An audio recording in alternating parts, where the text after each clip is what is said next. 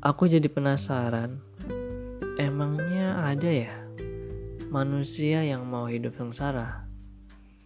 Aku rasa setiap kisah dari kehidupan orang ingin berakhir bahagia. Andai semudah itu, mungkin kita nggak perlu bersusah payah mempertahankan hubungan toksik atau tetap bekerja di tempat yang kurang nyaman.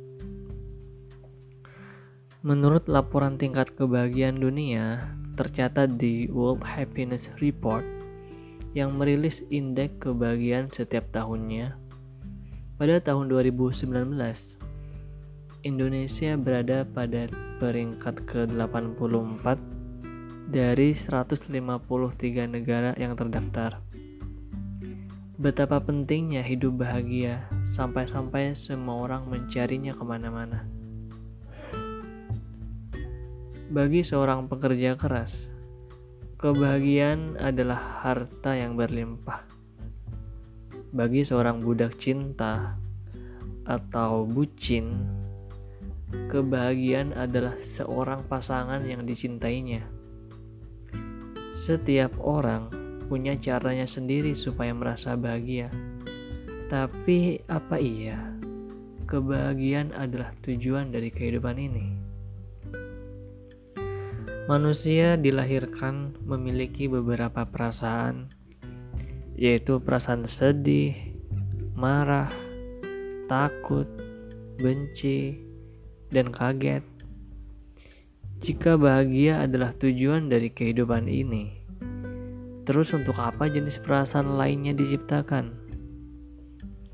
Bagiku, bahagia itu ibarat baterai dalam ponsel Semakin sering kita gunakan, semakin cepat baterainya habis. Mau bagaimanapun, daya baterai nggak bisa penuh permanen. Kamu harus sering charge baterainya supaya daya baterainya terus terisi kembali. Begitu juga dengan kebahagiaan.